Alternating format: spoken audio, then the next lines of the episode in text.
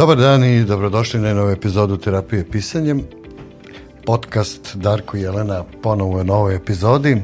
Zdravo Jelena. Zdravo Darko. E, danas pričamo o tome kako reći ne, jel? Uh mhm. -huh. Da li ljudi, šta praktično znači to reći ne?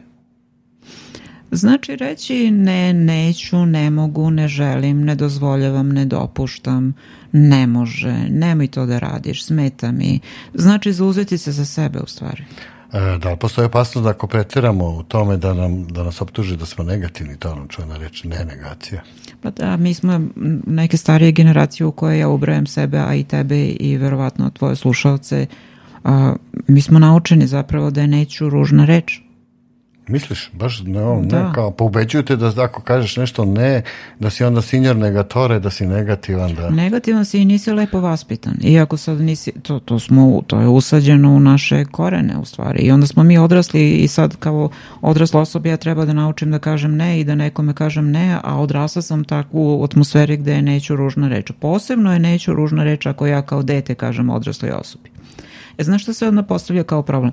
Kako ja kao odrasla osoba, ako imam svoju decu danas, ako ja kao odrasla nisam naučila da kažem ne, U tom smislu zauzimam se za sebe. Da, razumijem. Mm. I ako ja to ne umem da uradim, kako ću ja to da naučim moju decu? Ja mislim da je ne neka vrsta šifra samoodržanja, šifra opstanka danas. Pretpostavljam da kad kažeš e, umeti reći ne, da pod, to podrazumeva neki balans, jel? da ne odeš stalno u ne. Jel? Da, da, i to nisu ona hirovita, neargumentovana ne, u smislu, e, to, e baš neću. Je to ono, znaš, kad ona dete ima dve godine i ti kaže, ajde sedi, ono, neću. Nije to. kaže, ja ti da kaže, kaže, neću. Ne, ovo su argumentovana ne, ja mislim, nisam našla da postoji taj izraz ni na Google-u, nigde drugde, ali meni se taj izraz jedino čini normalnim, verbalna samoodbrana. E, da, on je moj omiljeni Rus, je napisao psihološki aikido, ima puno, puno ne u tom, da, Kako da, reći, pa, ne da. u njemu. Ali ajde da malo razjasnimo, pošto se ti puno baviš decom, ovi klinci, dvogodišnjaci, trogodišnjaci, ono kad počne ta ne faza u životu, što to zapravo znači? Oni stvarno mm. viču neću nešto. Ali to je razvojna faza, to bude i prođe. Kao što faza laganja bude i da li prođe, ali se menja se. Da, nisam siguran, mnogi danas i dalje viču neću ti kažeš ajde ne znam ovo, ono neću. Da, ali to su različite faze koje budu i u tom najizraženijem obliku prođu, ali to da ti vidiš e, nekog klinca koji ima 15-16 godina i stariji od toga, a da kaže neću, onda treba obratiti pažnju šta stoji iza toga. Često deca govore neću iz revolta ili iz otpora prema roditeljima, prema školi, prema drugarima, oni to nekako i umeju. Ali ovi odrasli Znaš, to je recimo kao kad mene neka moja, nazovi drugarica, gnjavi preko telefona dva sata. A ja se ne sjetim da je nekako otkače. Zašto se ne stim? Zato što mislim da je ružno, nije lepo s moje strane, njoj to možda znači. Ima milion nekih podizgovora samo za sebe. A u stvari stoji da je, nisam u stanju da joj kažem, e, nemoj. Da, to me podsjeća kad tako izađeš sa prijateljim negde da popričate, onda to on priča narednih sat vremena i ti ćutiš iz pristojnosti, kao što kažeš, i da ga saslušaš možda u početku si onako, ali kad vidiš da to traje ili se to ponavlja, i onda posle sat vremena oni kaže, a kako si ti? A ti kaže, da idemo mi kući. Da. Znači, to otprilike, znači, uopšte generalno to postavljanje granica, uh, e, Delo je dosta ovako grubo, kad kažeš postavljam granice, tu dovde idu moji interesi, a tvoji dovde i tako dalje. E, rekla si jedan od razloga jeste da se to usađuje nam se u glavu da je to nekulturno, nevalja, loše po međusobne odnose i tome slično, ali ja mislim da je ne umeti reći ne mnogo gora situacija za jednog čoveka jer onda praktično počne da eksploatišu na sve strane. To je tačno, ali to je neka vrsta i našeg izbora. Ako sam ja pristala i ako, sam, ako ne kažem ne, to je kao da sam dala zeleno svetlo za nečije ponašanje. I kom je onda krivo? Onda nemam pravo da se žalim. Ja ne očekujem da drugi ljudi misle za mene. Svako se ponaša u skladu sa onim što mu je dozvoljeno u stvari. Iako ja prećutim, znaš, mi smo, ćutanje je zlato, pa pametniji popušta, pa gomila tih nekih rečenica koja nas uči tome da ćutimo i da trpimo.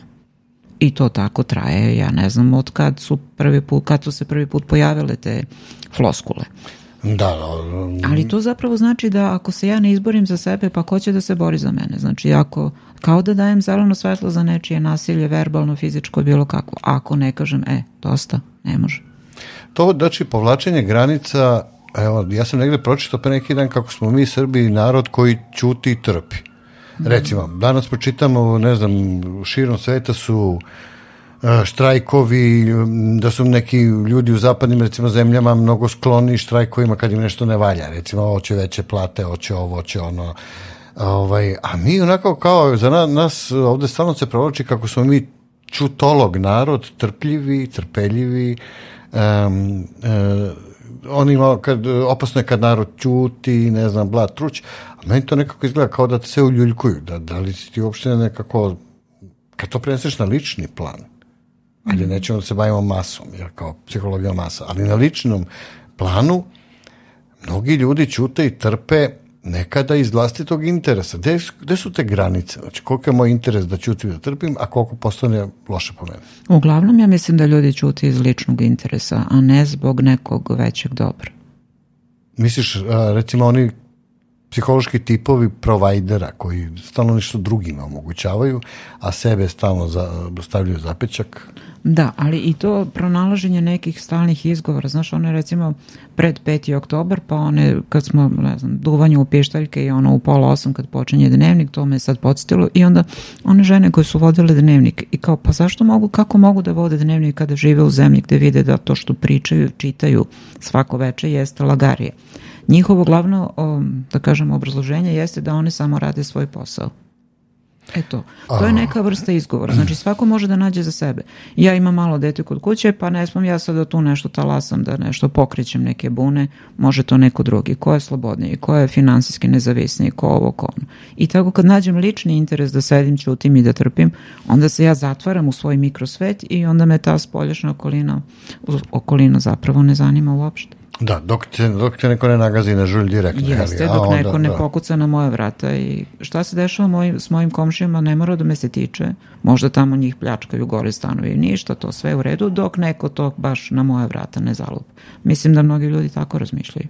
Nažalost, da, očigledno je da tako razmišljaju, to, to je ta čovjena, ja to volim da kažem, komandna odgovornost i, polič, i u ličnom i u opšte društvenom životu. Ili sebičnost. Ili sebičnost, da, to je interesantno. Da li smo mi zapravo sebični ili nismo? To je jedno veliko pitanje. i Možda im, zaista ima dosta veze i sa granicama. Da malo možda čačnemo i to da vidimo kako to izgleda. Mm.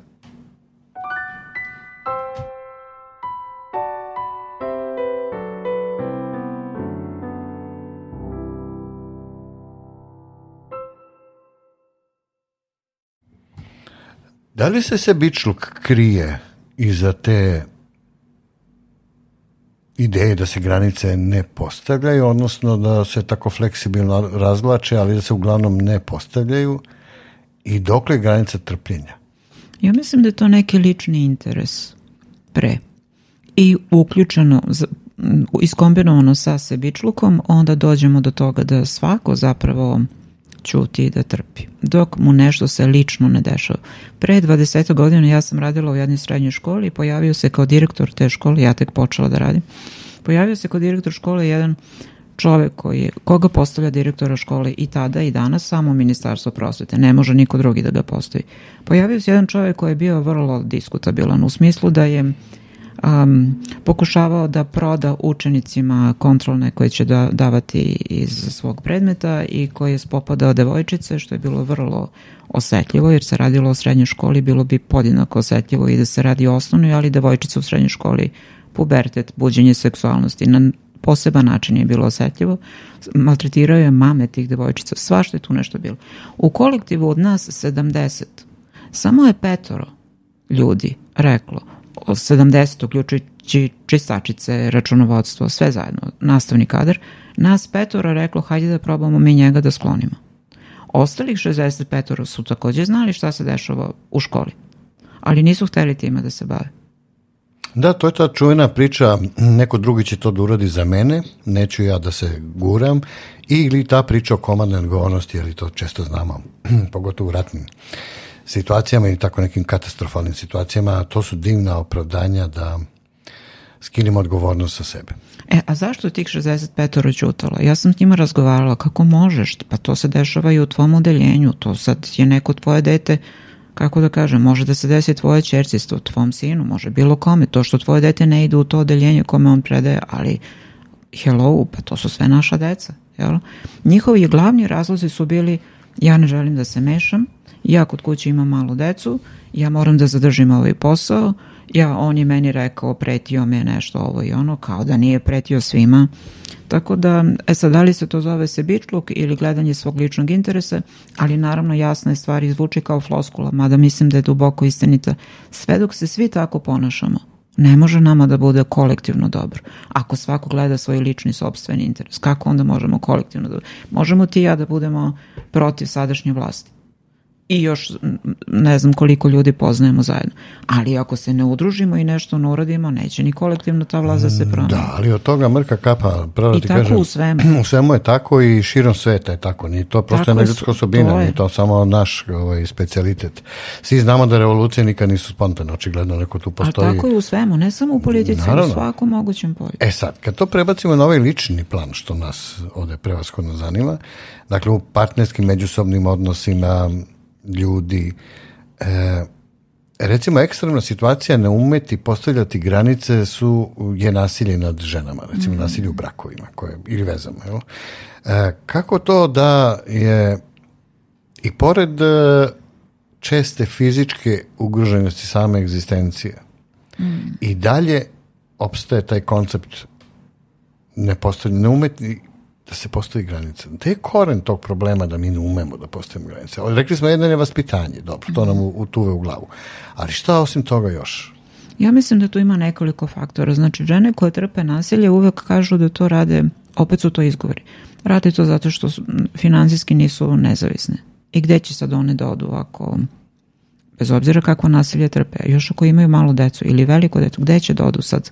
Od čega će da prehrane sebi i svoju decu? To je veliki faktor zašto trpe nasilje i ne suprotstavljaju se. Postoje žene koje pokušavaju sa tim svojim partnerima da nešto razgovaraju, pa ih vode na neke terapije, pa nešto i to uglavnom nema nekog rezultata. Tako da, ali a, sad ako pokušamo realno da se stavimo, ja znam puno takvih mama, na primjer, pošto radim, ta, radim takav posao sa porodicama, i znam puno mama koje trpe nasilje. I sad kad, kad pokušam da se stavim u kožu neke od njih, Znači ja sam, ne znam, neka frizerka, imam troje dece. Imam muža koji fantastično zarađuje i koji me lema svaki put kada dođe kući nije baš raspoložen došao s posla. Šta su moje opcije? Koje su opcije stvarno? Moje, koje, koje bi moje opcije bile? Gde ću ja da odem sa troje dece i sa platom koja je manje više nikakva? I onda šta je moja opcija? Ili ću pokušati da budem manje od makovog, makovog zrna, da ne iznerviram tog čoveka, da tog nasilja bude što manja, što isto nije baš pametno, ali većina žena pokušava samo da preživi dan. I one i njihove deca. Tako da su i realne mogućnosti prilično ograničene. Mi živimo u zemlji koja nema razvijen sistem sigurnih kuća, neku vrstu institucija kao podrške tim ženama. Tako da su žene ostavljene same sebi. Lako će ona da kaže, e, dosta je bilo, neću više trpim nasilje, ako ima gde da odim. Uh mhm. -huh. A Da, to izgleda paradoksalno ne da reši problem. A da li nekada može da nam bude zapravo e, da li ne, ume, ne postavljanje granica može da bude i taktika dobra? Naprimjer? E, smišljeno iskorišćena. Recimo, dobro, ovde za nasilje si rekla, to ljudi iz prinude zapravo ne, ne, ne mogu da, ne, ne da neće, nego ne mogu da postave granice. A da li nekad puštanje nekoga da radi, da ima takvu kako bih rekao, utisaj slobode, e, sve je dozvoljeno i tako dalje. Da li ima i taj ekstrem neki? Pa ja mislim da to zavisi od osobe do osobe i od porodice do porodice i od nekog modela kako oni funkcionišu i da su ti modeli veoma različiti. Znači, kao ovo što smo malo časti ja razgovarali pre ovog podcasta, znači, ljudi koji sebi dozvole i koji imaju u redu da imaju vanbračne neke odnose, pa i vanbračnu decu, pa to je za njih normalno i za njih je prirodno. Za neke druge nije. E sad ja mislim da je u tome stvar. Šta ko sebi i svom partneru dozvoljava, koje su granice oni postavili jedni drugima. Ako je njima dobro i ako to ne ugrožava nekog drugog, ok, ali ako ugrožava nekog drugog, e onda je to nešto što treba obratiti pažnju. Kod postavljena granica, e, da li je zapravo teže živeti kada si svestan toga da granice treba da se postavljaju, E, pa čak i po veliku cenu koju čovjek plati, evo reklo si, da li uopšte neko može da zamisli da recimo majka sa troje dece koju muž mlati donese odluku da se pokupi da ode pod most? Znaš, mislim da ode, ima sigurni kuća ovde u Beogradu, mm. mislim nije baš tako katastrofalna situacija, ali i da jeste. Gde je granica? Da li je to pitanje, dakle, moralno-vrednostnog e, koncepta ili pukog preživljavanja. Možda je to često kombinovano jedno i drugo. Da. Ali evo da kažemo recimo u nekim relativno normalnim situacijama koje nisu ekstremne, znači nije ovako vrsta nasilja, nije e, u svakodnevnim našim životnim poslovima, recimo odnosima s partnerom, na poslu i tako dalje, imaš šefa koji te maltretira, recimo, imaš, ti vidiš da ne možeš da izađeš sa njim na kraju u smislu pravno, ne možeš da ga skloni, žalio si se, ne znam, pisao si, ne znam, rukovodstvo, on niko ne reaguje i tako dalje. Ti sad dolaziš u situaciju, znači, da li da ja, da bi zadržao svoj ljudski integritet, pa rešim, ja ću da promenim posao, firmu, posao, što god, ili ću da ćutim i trpim i onda godinama da se razbolim i da umrem na kraju neke bolesti jer sam pojao sebi iznutra. E, ali ljudi ne razmišljaju tako. Ljudi razmišljaju ja ću da sedim i ćutim i ne razmišljaju zbog toga ću da se razbolim. Ne misle to. Tek kad ne... se razbole onda pomisle na to. Pa naravno. To mislim da važi za svakoga od nas. E, ali vidi, ima ta, ta hijerarhija nasilja, kao recimo to se ilustrativno lepo može prikazati, kao da recimo na vrhu hijerarhije stoji, ne znam, direktor neke firme. I on iskaljuje svoje nezadovoljstvo, svoje frustracije na svoje radnike. Radnici ćute zato što im posao zavisi od tog direktora. Onda ti radnici dođu u kući pa se iskaljuju na ženama. Žene ćute, zato što uglavnom su financijski zavisne od tih muškaraca. E, ali onda preliva se.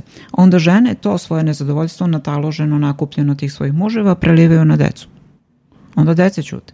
Zato što su mame i tate vrhovni mm, vrhovne uloge u njihovim životima. Onda deca imaju problem sa tim nakupljenim nasiljem i super ako imaju igračke ili kućne ljubimce. Tako da se to preliva. I svaka figura u tom crtežu zapravo ne postavlja granice. Svaka figura u tom crtežu bi trebalo da bude naučeno da kaže, e, ovo ne može, ovo nije u redu, ajde da ovo menjamo, o meni ovo ne odgovara. Ali nismo naučeni, niko nas tome nije, nije vaspitavao. I znači ispada na kraju da je u teoriji ovaj, to se lepo, jeli? ali u praksi, ali u praksi zapravo skoro pa ne da funkcioniše i da ovi ljudi koji se usude jer su tako kola, recimo, tako su, na, ne znam, ni, njih niko možda nije specijalno nešto učio ili možda mhm. jeste, mm -hmm. sad neću da ulazim u to, ali postoji jedna manjina, znači, koja ume vrlo efikasno da kaže ne i koja stane iza toga i ponese posledice. A o tome se radi, treba umeti i podneti posledice. I šta onda? E pa onda nosiš, živiš, se, živiš sa tim svojim posledicama, uzrok posledica. I I onda dođeš u situaciju da ovi što, dakle, to, većina koja to neće da radi ili ne može ili ne želi ili ne zna, što god, onda oni mrze ove što mu je da kažu ne. Jel? E, ali mislim da ta manjina koja ume da kaže ne, nije ih baš mnogo briga za mišljenje te većine. Oni imaju neki svoj identitet i integritet i oni to ne shvataju kao neki veliki problem.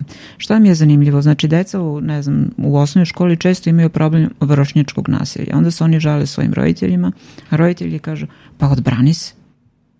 I oni očekuju da dete ume da se odbrani. Onda ja pitam, a jeste mu objasnili kako da se odbrani? Niko nikad. Pa kako sad? To je kao kada učenje, učenje znači pošalješ dete u školu i kažeš tvoje sad samo da učiš. To zvuči jednostavno, ali ako mu niko nikada nije objasnio kako se uči, meni je to kao da ga baciš u vodu i kažeš sad ti samo plivaj. Hoće ono, ali neko treba to da mu objasni. Mislim da treba da objasnimo deci kako se to tačno brani u nekim situacijama vršničkog nasilja. Verbalnom samodbranom, ne, ne može, ne može, što da radiš, ne dozvoljavam, ne dopuštam, pa fizičkom samodbranom takođe. Ali da mu se to objasni i da mu se da sloboda, a ne ono, ne smeš nikada nekome da se suprotstaviš, nikad ne, ne smeš ništa pravi. Posebno ne smeš učiteljici, ona je vrhovni autoritet da kažeš da nije u pravu i tako. Glorifikovanje nekih autoriteta koji to možda i nisu.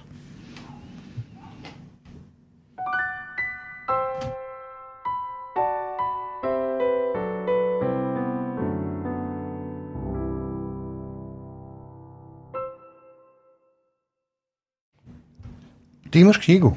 Kako reći ne? ja imam knjigu. Znaš kako je zanimljivo? Kako sam šta ja naučila u životu, tako sam o tome pisala knjige. Da, Odlično. Kako si ti naučila reći ne?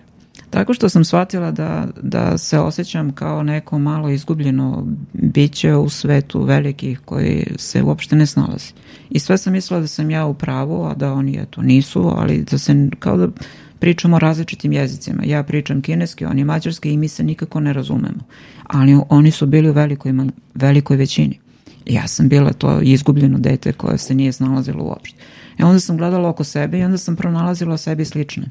I shvatila sam da imamo to što, što nas čini sličnima, da smo, po mom mišljenju, možda pogrešnom, malo povučeni, malo introvertni, malo zamišljeni, malo zavučeni u neke svoje kreativne svetove, u knjige, u takve stvari i da smo vrlo vešti i snalažljivi u tom svetu ali da u ovom svetu socijalnom baš i ne. I shvatila sam da nam je zajedničko što se teško suprotstavljamo. I onda od razmišljanjem dalje zašto se teško suprotstavljamo, kome se suprotstavljamo, kad to treba da se suprotstavljamo, a to ne radimo. I konačno ključno pitanje, a kako da se suprotstavimo, onda sam shvatila da nam je zajedničko to što ne umemo da se izborimo za sebe i da kažemo ne. Moja knjiga se zove Kako reći ne i namenjena je deci uzrasta od 10 do recimo 15 godina. Ona nudi neke modele kako to može fizički, verbalno, ovako ili onako da se radi i neke situacije koje se, sigurno sam, dešavaju deci i dan danas na svakodnevnom nivou. Neko tebi grebe po e, tvom radu iz likovnog. Neko ti žvrlja po svesci, neko te tuži tamo nekoj učiteljici za nešto što nisi uradio. Neko te gurne, neko ti udari, neko te vređa. Kako ćeš ti da se tome suprotstaviš? Šta bi bilo kad bi bilo situacije? E, ta knjiga je o tome. Da se suprotstavimo onome što nam se mhm. dešava i da kažemo a ne samo da se suprotstavimo u verbalnom smislu tom nekome ko nam čini neko nasilje, nego da se suprotstavljamo situacijama. Ja ne želim da se to meni dešava. Ja hoću da se borim protiv toga. Zašto? Pa da bi se osjećala bolje u svojoj koži. Koju cenu si ti platila kada sad ovako retrospektivno gledaš Hmm, kako si zapravo, kako je to počelo kad si prvi put počela da postavljaš granice, kada si onako osetila snagu, da kažemo, postavila si granice pa videla da oluja je prošla, ali da si preživjela, pa onda tako jedna, druga, treća i na poslu i privatnom životu. Kako se to kod tebe, to postepeno išlo? To je bilo postepeno, ali tad kad se to desilo prvi put, sam, ne sjećam se kad je to bilo sa nekim velikim prvim događajem, to je bilo jedno fantastično rasterećenje i da nisam ja to tad ukapirala, ja i ovde na ovom poslu koji sam pomenula na 70 pa se petoro nas našlo da kažemo ne.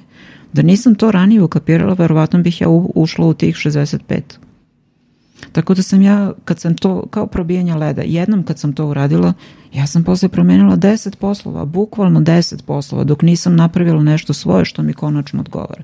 Što uz, u prevodu znači da sam u nekih 10 firmi koje su mi plaćala redovno platu i nudila penziju i svašta nešto bilo lepo ušuškano, sve u mojoj struci, na 10 mesta sam ja rekla ne, meni ovo ne odgovara.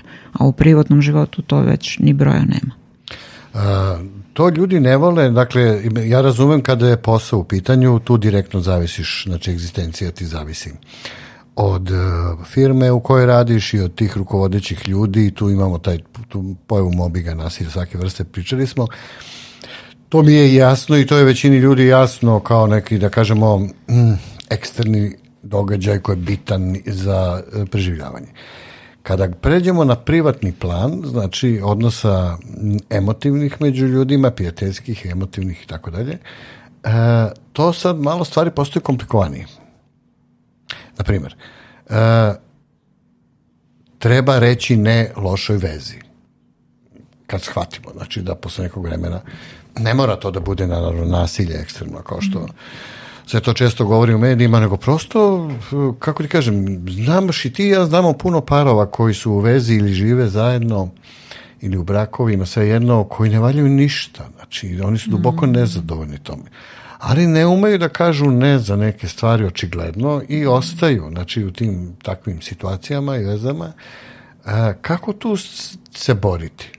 Kako tu, rećemo, da. izaći na kraj sa, sa, sa tim... Znači, a, e, raznih teorija ima, popularna psihologija, psihijatrija, svi imaju neke teorije o tome šta jeste ljubav, šta nije ljubav, šta je emocija, šta nije blatruć, šta je strast, šta nije strast. Sve to vrlo komplikuje situaciju generalno gledano, ali da li postoji taj neki osnov, nešto zajedničko? Kad ti ne odgovara, kaži ne. Zašto Jest. ne? Mislim da stvari postaju lakše. Lakše je reći ne kada znaš čemu hoćeš da kažeš da. Aha. Mhm. Naprimjer. Znači ja sam izašla iz svog braka koji je bio loš bez obzira na neslaganje sa tom mojom odlukom mojih roditelja i moje okoline i svega, zato što se s polja gledalo je sve izgledalo njima u redu. Ali ja sam znala kako je unutar tog braka, meni nije bilo u redu. E sad, u stvari sam izašla lako, zato što sam mislila čemu kažem da. Nisam imala nikakvu vezu spremnu iza ćoška, ni blizu tome. Ali sam rekla da svom zdravlju i zdravlju svog deteta. Znači, to mi je bilo i u istoj rečenici. Kažem ne ovoj vezi, ovom odnosu, ovom braku, ovoj zajednici, zato što me to čini bolesnom, zato što me to čini nezadovoljnim, zato što mi tu nije dobro. To je sve ne, ne, ne, ne, ne. Ali u istoj rečenici gledam napred šta, šta čemu govorim da. Govorim da jedne samostalnosti i jednim otvorenim vratima za neka nova iskustva, da mirnije dišem, pre svega zdravlju za svoje dete i sebe. Meni je odavno postalo jasno da ne može biti dobro mom detetu ako meni nije dobro. I ta priča ostajemo u lošem braku zbog dece, to stvarno, to je ona rečenica gde ponajmanje pronalazimo opravdanje i izgovora kod raznih žena. To je samo lagarija. Ne može detetu biti dobro ako mami nije dobro. Da, ljudi ostaju u vezama, u stvari ne, ne umeju da... U stvari, izvini, trebalo bi tu rečenicu prekrstiti u odlazem iz braka zbog dece, a ne ostajem u braku zbog dece. Da, ali to će, to redko ko. Znači, ta vrsta, kako doći do te vrste svesti uopšte, znaš. Mene to uvek zbunjuje, znaš, kad razgovaraš sa ljudima i onda se oni deklarativno slože. Znači, kažeš mu, pa zar je u redu da te neko maltretira, ti mm. kažeš nije. Zar je u redu da te neko bije? Nije. Zar je u redu da te neko ubije? Nije. Zašto trpiš to? Mislim, e, onda, da li je moguće da su svi ti izgovorni, silni ili neke naše slabosti, e, strahovi od egzistencije, e, kako uopšte osvestiti tu priču? Stići do toga da stvarno zaista ume čovjek da kaže ne. Ja mislim polako i korak po korak i nekom vrstom edukacije. Znaš, to je kao recimo da se ja tebi žalim da me boli glava. I te meni kaže, jesi popila brufan? Ja kažem nisam. Jesi popila kafetin? Nisam. Jesi odspavala? Nisam. Jesi se odmorila? Nisam. Pa onda ti imaš pravo da me pitaš a kod svih mogućih stvari koje si mogla da uradiš za sebi i pomogneš, nisi uradila ni jednu, s kojim pravom mi se žališ? Imaš pravo. E sad, to ti je isto prenešeno na ovo. Znači, ljudi imaju različite, ne rade za sebe ono što bi mogli, ali i dalje se žale. Zašto se žale? Pa zato što mislim da im to daje neku vrstu pripadanja. Ima puno takvih ljudi i onda se ne osjećaju usamljeno. Ako ja živim u lošem braku, i moja drugarica, i moja komšinica, i moja sestra, i moje prijateljice, većina žive u lošem braku, onda mi imamo jednu drugu i možemo da se žalimo jedno drugoj. E onda ta naša muka je malo podnošljivija jer imamo jedne druge.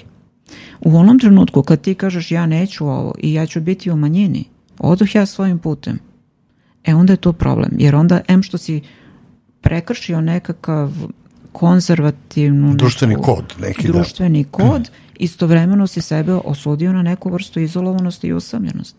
A, tebi je sada dobro. Pa šta ćemo mi da pričamo? Ako je tebi dobro, a meni loše. Da, ja sam imao tu jednu epizodu iz mog života kad se ja razveo i onda mi jedan moj prijatelj dođe i tako da me teši, znaš to. Mm -hmm. I tako me gleda, znaš, prošlo neko vreme i jednom tako sedi i oni kaže meni, blago tebi. Ja kažem, što mi je lago? Pa kaže, eto sad si ko dečko. Sad si kao sam, eto, imaš stan, imaš posao, možda privodiš žene koje hoćeš, tako da A on živi u lošem braku. A ja ga pitam, da što se i ti ne razvedeš? Da i tebi e... bude dobro koji meni. E, mm, da. Jer sam posle shvatio da je njemu dobro u tom lošem braku. Da njemu to, to treba. Njemu to treba. Jer on, on je slobodan da zuji, da ima vamračne veze, kontroliše svoju ženu strogo i tako dalje. Milina. Milina. Nisam da. pitao ženu njegovu kako je njoj. Da, da. Ali generalno gledao, znači, i ta, znaš, da to je licemerstvo, znaš, ta dvostruka igra, mm, opet se vraćamo na taj koncept sebičnosti. Mi ljudi jesmo jedna zaista vrlo sebična, egocentrična bića zapravo, mm. možda bolje rečeno. Sarađujemo samo kad nam je interesu, znači taj altruizam, kad procenimo da je za nas to ok, onda ajde da se bude win-win neka situacija, ali to je to, uglavnom. To je to. I onda ti kažeš, uh, tako ti dođe prijateljica i tako ti priča, lom brak mi je loš, ovako mi je, onako mi je, posao mi je bez veze, levo, desno i onda ti na, na kraju pitaš jednu glupu rečenicu, što ne promeniš to? Da. Ja. Da, ljudi često pričaju, nemaju uopšte ideju da nešto treba da promene. Oni pričaju svoju žalopajku zato što im je samo važno da je ispričaju i njima bude lakše. To je takav tip ljudi. E sad ja pripadam onom tipu ljudi i to recimo za mene u poslu uvek kažu da, da ne možemo mi sad da se viđamo sto puta da se nešto upoznajemo, da, da sad ja slušam neke priče. Ne, ne ide to tako kod mene. Ajde da vidimo šta možemo da radimo i što pre krenemo u neku akciju, prećemo do nečega stići. Misliš da, da recimo ja na terapijskom pisu isto mene pitaju, ljudi dobro mi ovo sve lepo napišemo sebe, napišemo, pišemo mm -hmm. sebi, istražujemo da i šta onda, ja e, onda kažem onda treba da delujete. Pa da. Onda povuci konkretne stvari. Tako je. Ko kad bi pričali sad ti, ali kako volimo da jedemo i sad razna jela mi tu nabrajamo i ima i dobrih i loših jela i pričamo o tome, o tome, a nikad ne spremimo ni jedno jelo i umremo od gladi. Da, mora da se krene u akciju, tako da, ali mnogo ljudi priča svoje tužne priče bez ideje da nešto krenu u akciju, nego im je dovoljno da se ispričaju. E sad to što ja ili ti pripadamo onim ljudima kojima je to dosadno da slušaju onda tražiš sebi slične koji su više idu u pravcu neke akcije nego u pravcu praznih reči. Jer znam i tu bih volao da najemo pa ovaj završni naredni segment naše priče kad smo razmotrili znači eksterne uslove, to su poslovi, firme gde radimo, često tu i nemamo neki uticaj i kontrolu nad događajem i drugim ljudima. Onda smo malo pričali o ovom privatnom delu, znači partnerskim vezama, odnosima s drugim ljudima na tom nekom privatnom, da kažemo, nivou. I tu smo došli do zaključka, evo ovo malo pre što si rekla, da sve te priče, teorije koje postoje, e, zanimljivi citati o tome kako treba živeti od pametnih ljudi koji su živjeli pre nas i tako dalje i tako dalje. Onda stižemo do toga, do jednog trenutka kada se suočimo sa nama, Znači, kao kad staviš ogledalo ispred sebe, i mene omiljena vežba moja zove se pisanje ogledalo. Mm. znači, sad ti odjednom si sam tu sa sobom i počinje sad ta jedna unutrašnja priča, a to bi volao da, da najavim u narednom segmentu.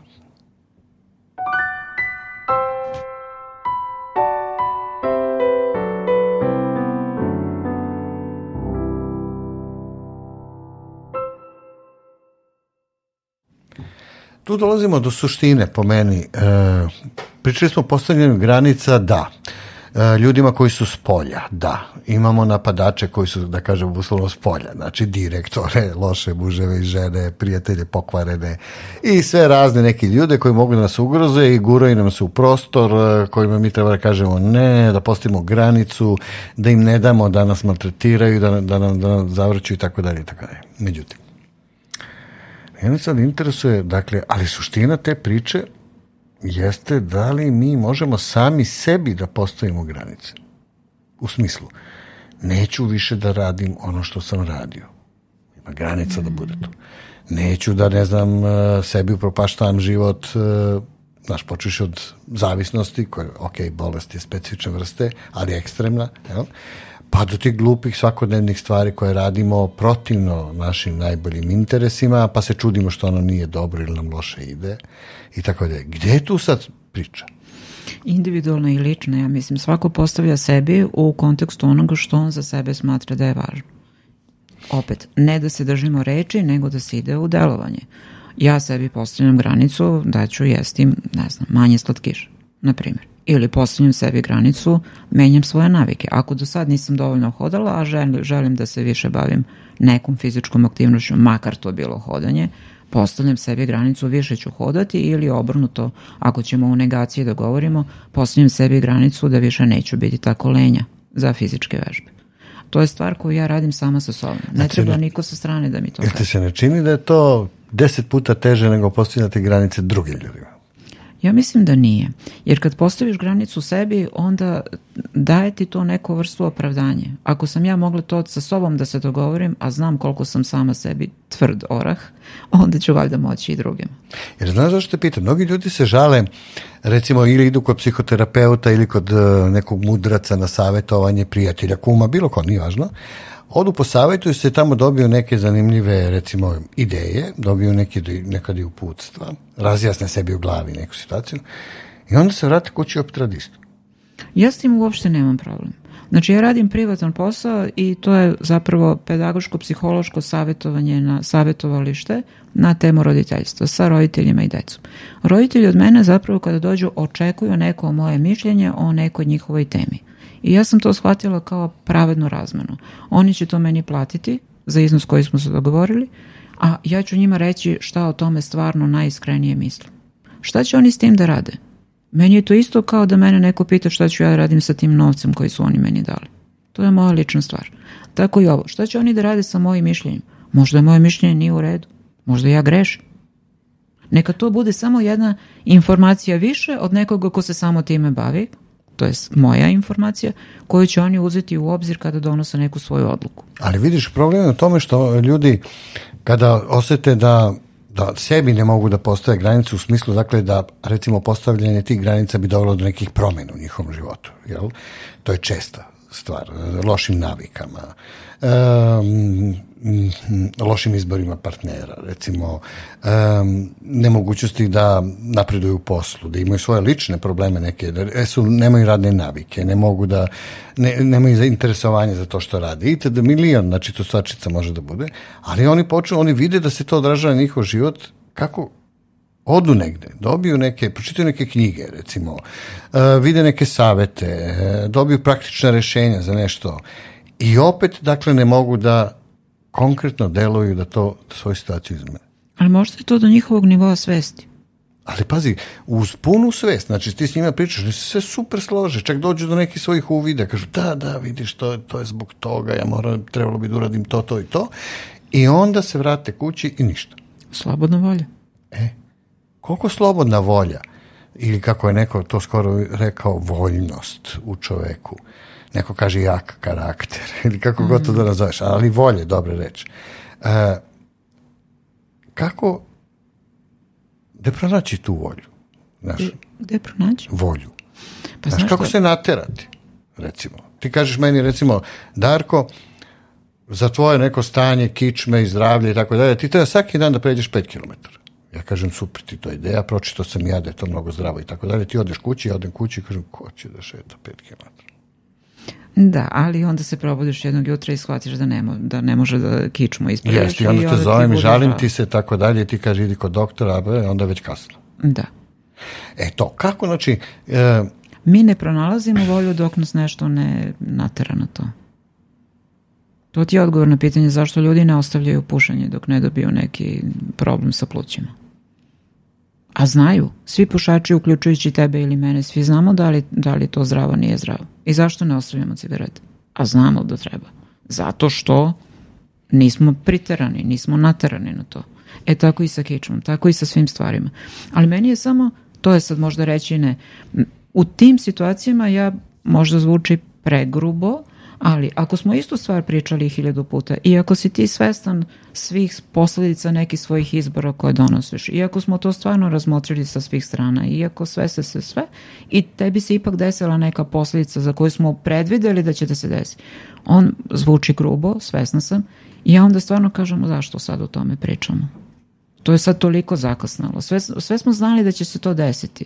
Nekako mi je to gubljenje vremena da sad stvarno mi je teško. A što ništa nisi preduzao da, da ne bi bilo teško? Kad e, pa sve je, znali šta. Zato što e, gde je ta, ta volja, znaš, recimo volja za, da, da ti tvoju ideju, recimo postavljanje nekih granica, sprovedeš u delo, na kraju kraja, kad sve razmotriš, uključujući i strah koji osjećaš, osvestiš ga da je strah, jer ja ću se suprostavim e, partneru, on će, njemu se to neće svideti, on će mene ostaviti, e, meni je strah da budem sam, ali ja ću da i rizikovati taj, to da ostanem sam s tim strahom, da ne bi trpeo to što zaista negde ispravno smatram kroz sve argumente i razgovore da nije dobro po mene. Da, ali znaš šta, ako ja sad zamislim jednu, i zamislim, znači nekakvu vagu sa dva tasa i na jedan tas stavim tu svoju volju, koja treba da, nadam se da će da prevagne. Ali na drugi tas stavim te imaginarne vage, stavim sve interese koje ja dobijam.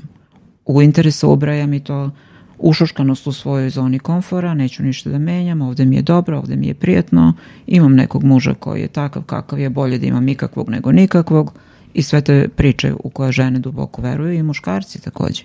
E onda ovo, taj tas nažalost prevagne. Znači, možda je pitanje šta je jače. Da li ušuškanost u zoni komfora je jača od volje za promenom? I često jeste ali onda, kao što ti reče, ako ta ovaj tas pretegne, onda nema prava da se žalimo. Nemamo pravo da se žalimo. Ja kad sam se izašla iz tog svog lošeg braka, meni je pola mojih drugarica otpalo više. Nisu htjela da se druže sa mnom. Jer sam ja izašla iz nečega, one su ostale u svojim lošim brakovima. Više nismo imali razloga da... One nisu imali više razloga da pričaju sa mnom, jer su smo, uglavnom smo se do tada žalile jedna drugima. E sad, ja više nisam bila ta koja se žali, jer nisam imala razloga da se žalim. Tako da ima i toga. E, hm. Znači, ostaje ta ideja da čovjek kada postavlja granice i zašto zapravo većina ne ume da postavi te granice, jer zapravo na kraju krajeva, znaš kako, možda tako i treba da bude. Ne umem da postavim granice, trpim svoje posledice, rekli su mi, saznao sam, naučio sam, video sam zašto treba da se postavljaju granice, ili nisam u stanju da to vidim i da sagledam sve posledice, ili ako jesam, odabrao sam oportunistički put jer mi je tako lakše, a onda nemam pravo da se žalim. Pa to je, to je znači sloboda je izbora. Znači, sloboda, znači, izbora. sloboda izbora. I ako si odlučio da ne menjaš ništa i da sediš, ćutiš, trpiš, to je izbor i onda snosiš posledice, jasno?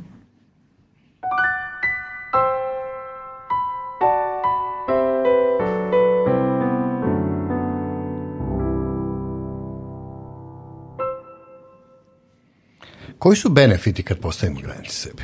Kad ume da postavimo granice sebi i drugima? Šta dobijemo? Ja mislim jednu neviđenu slobodu i toliko mi se sviđa ja ne, nisam postavila granice baš svemu i svima koliko sam želela, ali mislim da jesam više nego većina drugih ljudi koje poznajem. Tako da ja to primećujem kao granice, kao benefite. Uh, granice u smislu neću da imam radno vreme koje je fiksno, neću da imam posao koji je statičan, neću da imam uobičajene odnose sa decom, s prijateljima, sa muškarcima, sa prijateljicama, sa kolegama. Sve je to nekako netipično, sve je dinamično, sve je drugačije i sve je suštinski. Ja sam postavila granicu, recimo, neću da imam formalne odnose. Ako nisu suštinski, makar bili sa porodicom, sa rodbinom, ako nisu suštinski, ja biram da ih nemam. Ne kažem da je to ispravno, to je samo moj izbor. E to su recimo granice koje sam ja postavila oko sebe ili sebi. Što se svojih unutrašnjih granica tiče, gledam da živim što je moguće u skladu sa nekim svojim kako se meni čini, šta mene čini zdravom, mentalno, fizički, emotivno, na svaki mogući način. I mislim da je ta sloboda odlučivanja, sloboda volja, sloboda organizacije svog vremena, organizacija izbora odnosa, mislim da je to najveći benefit. E, kako doći do takvih e, saznanja i kako to zapravo primeniti. Ne, sorry, do saznanja pričali smo, dođe, može da se dođe kroz razgovor s prijateljima, čitanjem, terapeutima, blatuć, koliko god da dođemo do, do nekih saznanja. Kako to primeniti?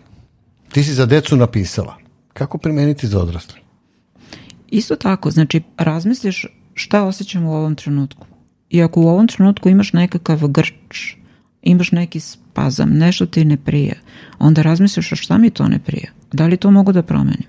E sad često ta, odgovor na to pitanje često bude da treba da promenim ovaj sadašnji trenutak. Ako u ovom sadašnjem trenutku meni nije dobro, šta mogu da uradim? Mogu da kažem da mi to ne odgovara, mogu da odem iz ovog trenutka. Postavljanje granice i reći ne, ne znači samo svađalački, ne, nemoj, dosta, ne, može, ne mora biti to. Može da bude i ne odgovore mi ovo sad, ja ću sad da odem. Mogu da promenim temu ako pričam o nešto što mi se ne sviđa. Postoji mnogo načina da se izgovori i pokaže ne. Ne mora samo biti ne mora biti samo grubo svađa, lupanje vratima i tako odlazak, jel? nego može da bude i... Znači, zagledaš se u sebe i pomisliš da li mi ovo odgovara ili mi ne odgovara. Ako mi ne odgovara, da li mogu da menjam? Kako mogu da ga menjam? I promeniš. E, to je već jedan možda mali korak, ali ako ga napraviš jednom dnevno, pa sutra tri puta dnevno, malo po malo, onda tebi dan postaje u stvari gledanje u sebe, da li mi ovo odgovara, ne odgovara, tako ti prolazi vreme i to je, mislim, korz, to su koraci ka tome. I mislim da ti mali koraci zapravo ohrabruju te kad vidiš da to uspe jedan put, pa drugi put, pa treći put, onda i ulog raste. Jel? Jest. I to je onda, znači, tebe, ja to nekako doživljam, sam to kroz pisanje video kad sam promišljao te stvari onda praktikovao u tim malim koracima, to te ojača bazu da možeš onda i krupnije korake da praviš. Prosto nekako ti se nestaje strah, smanjuje se zapravo, a e, jačaš veru u sebe, jer vidiš da može. Znači, da. može i ovde, može i tamo, može i ovamo. Znači, i mic po mic, mic po mic, jedan deo po deo pa to ide. Jeste. Ja mislim da je to nekako kao kada e, recimo sebi postaviš pitanje da li bih sad radije sedela u kući ili idem da se vidim sa tom drugaricom da se prošetam. Ako je odgovor na pitanje radije bih sedela kući, e onda to ispoštuješ, onda sediš kući. Sediš kod kuće i javiš drugarici da ne možeš. I to je to. Znači poštovanje nekakvih unutrašnjih odgovora i informacija šta nama lično prija. Ovo je odlična tema bila. Uh kako reći ne. Nadam se da smo malo načeli i pročačkali neka zanimljiva pitanja da se svako od nas zamisli i da vidi kako on može da postoji svoje granice sebi i drugim, je li tako? Da. Darko, da li u tvojim podcastovima može da se recituje? Može. Imam jednu divnu pesmu, ne znam ko je napisao, ali me podsjeća na tu priču o slobodi, a meni kako smo više razgovarali, sve mi se više čini da postavljanje granica ima veze sa slobodom. Ovako ide pesma. Jednom kad me bude, pa me posle nema. Prestaću da važim za glavnog problema. Zašto me tražite kad više ne živim? Sve će i onako jednom da posijevi. Posle svega toga polite me vodom da osjetim žeđ za starom slobodom. Odlična pesma. Koja je autor pesme? Ne znam. Ali je dobra pesma. Ja mnogo pesama znam na pamet, a ne znam koji ih je pisao. Sjajno. Mislim da ovako dosta, do, da, dobro dođe kao tačka na i na ovaj razgovor. Jelena, hvala ti još jednom. Uh, hvala i vama, dragi slušalci. Pratite Jelenu i mene, dakle, redovno na e, podcast kanalu Terapije pisanjem na www.darkotadić.com Jelena, hvala ti još jednom. Hvala tebi. I čujemo se. Tako je. Do slušanja.